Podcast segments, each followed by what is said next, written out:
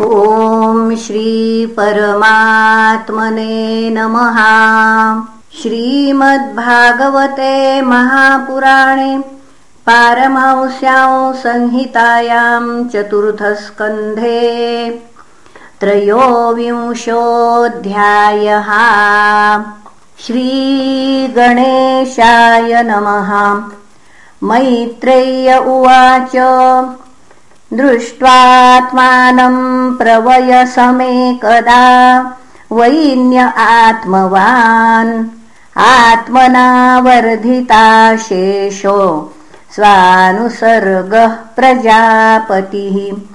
जगतस्तस्तुषश्चापि वृत्तिदो धर्मभृत्सताम्। निष्पादितेश्वरादेशो यदर्थमिह जज्ञिवान् आत्मजेष्वात्मजाम्यस्य विरहाद्रुदतीमिव। प्रजासु विमनस्वेक सदारोगात्तपोवनम् तत्राप्यदाभ्यनियमो वैखानससुसम्मते आरब्ध उग्रतपसि यथा स्वविजये पुरा कन्दमूलफलाहार शुष्कपर्णाशनः क्वचित्। अभक्षः कतिचित्पक्षान् वायुभक्षस्ततः परम्।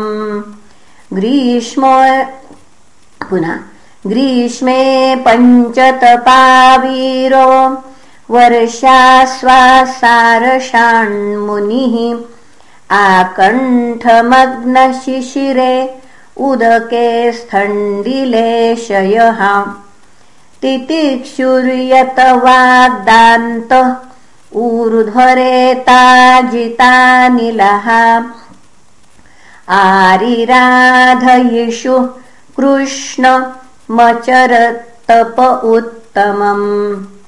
तेन क्रमानुसिद्धेन ध्वस्तकर्माशलाश।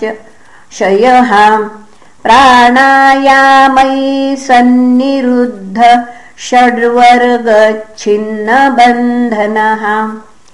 सनत्कुमारो भगवान् यदाहाध्यात्मिकं परम् योगं तेनैव पुरुषमभजत्पुरुषर्षभः भगवद्धर्मिणः साधो श्रद्धया यततः सदा। भक्तिर्भगवति ब्रह्मण्यनन्य विषयाभवत् तस्यानया भगवत परिकर्मशुद्धः सत्त्वात्मनस्तदनु संस्मरणानुपूर्त्याम् ज्ञानं विरक्तिमदभून्निशितेन येन चिच्छेदसंशयपदं निजजीवकोशम्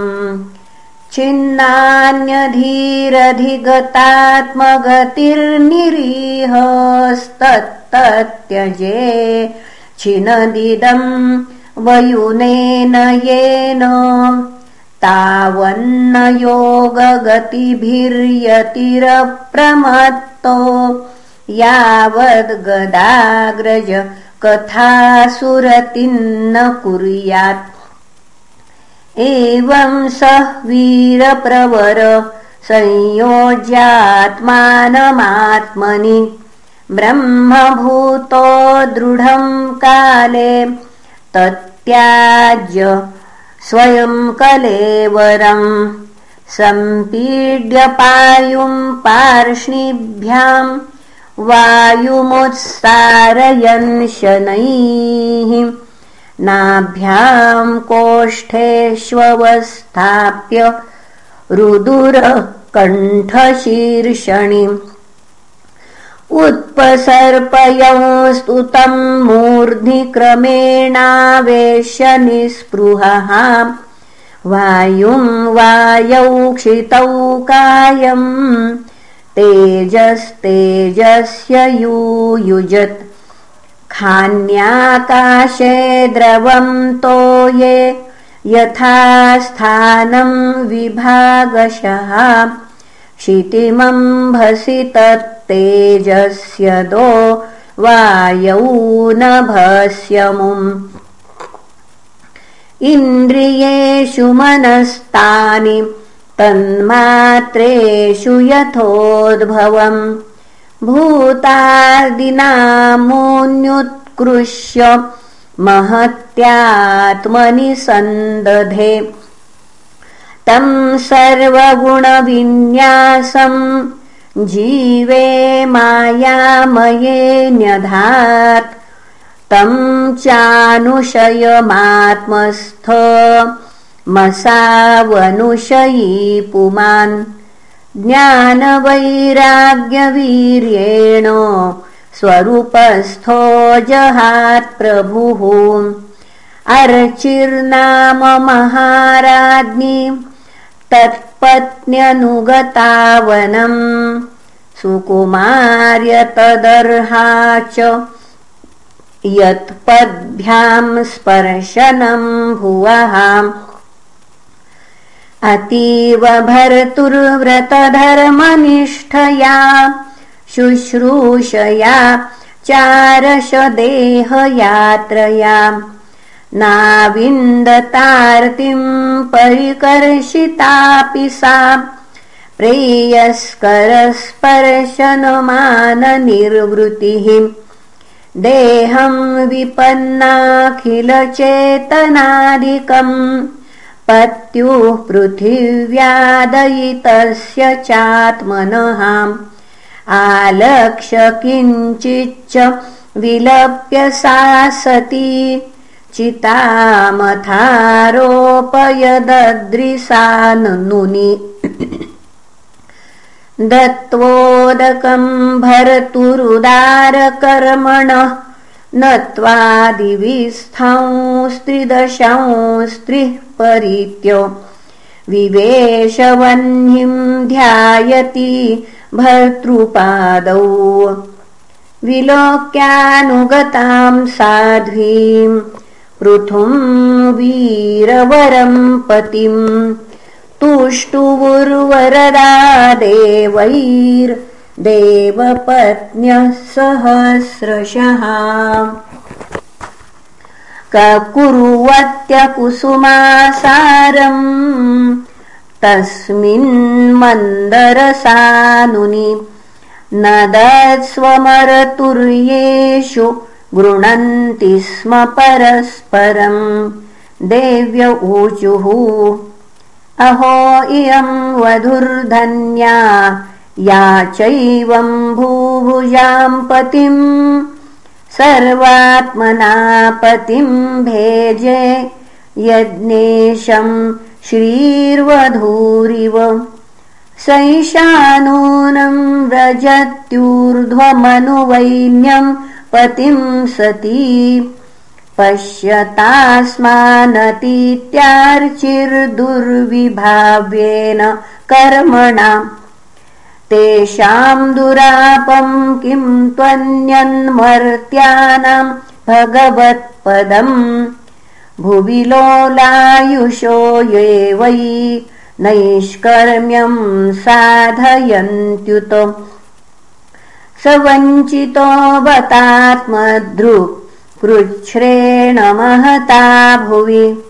लब्धापा पुनः लब्ध्वापवर्गम् मानुष्यम् विषयेषु विसज्जते।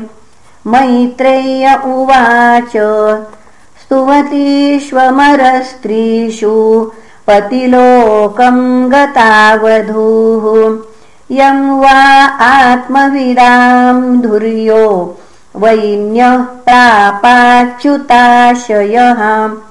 इत्थम् भूतानुभावोऽसौ पृथुः स भगवत्तमः।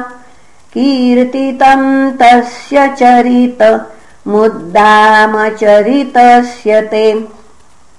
य इदम् सुमहत्पुण्यम् श्रद्धया वहितः पठेत् श्रावयेत् शृणुयाद्वापि सपृथोः पदवीमियात् ब्राह्मणो ब्रह्मवरचस्वी राजन्यो जगतीपतिः।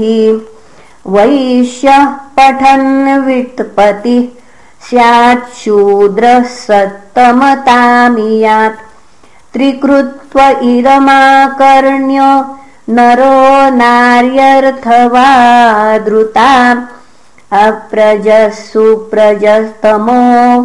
निर्धनो धनवत्तमः।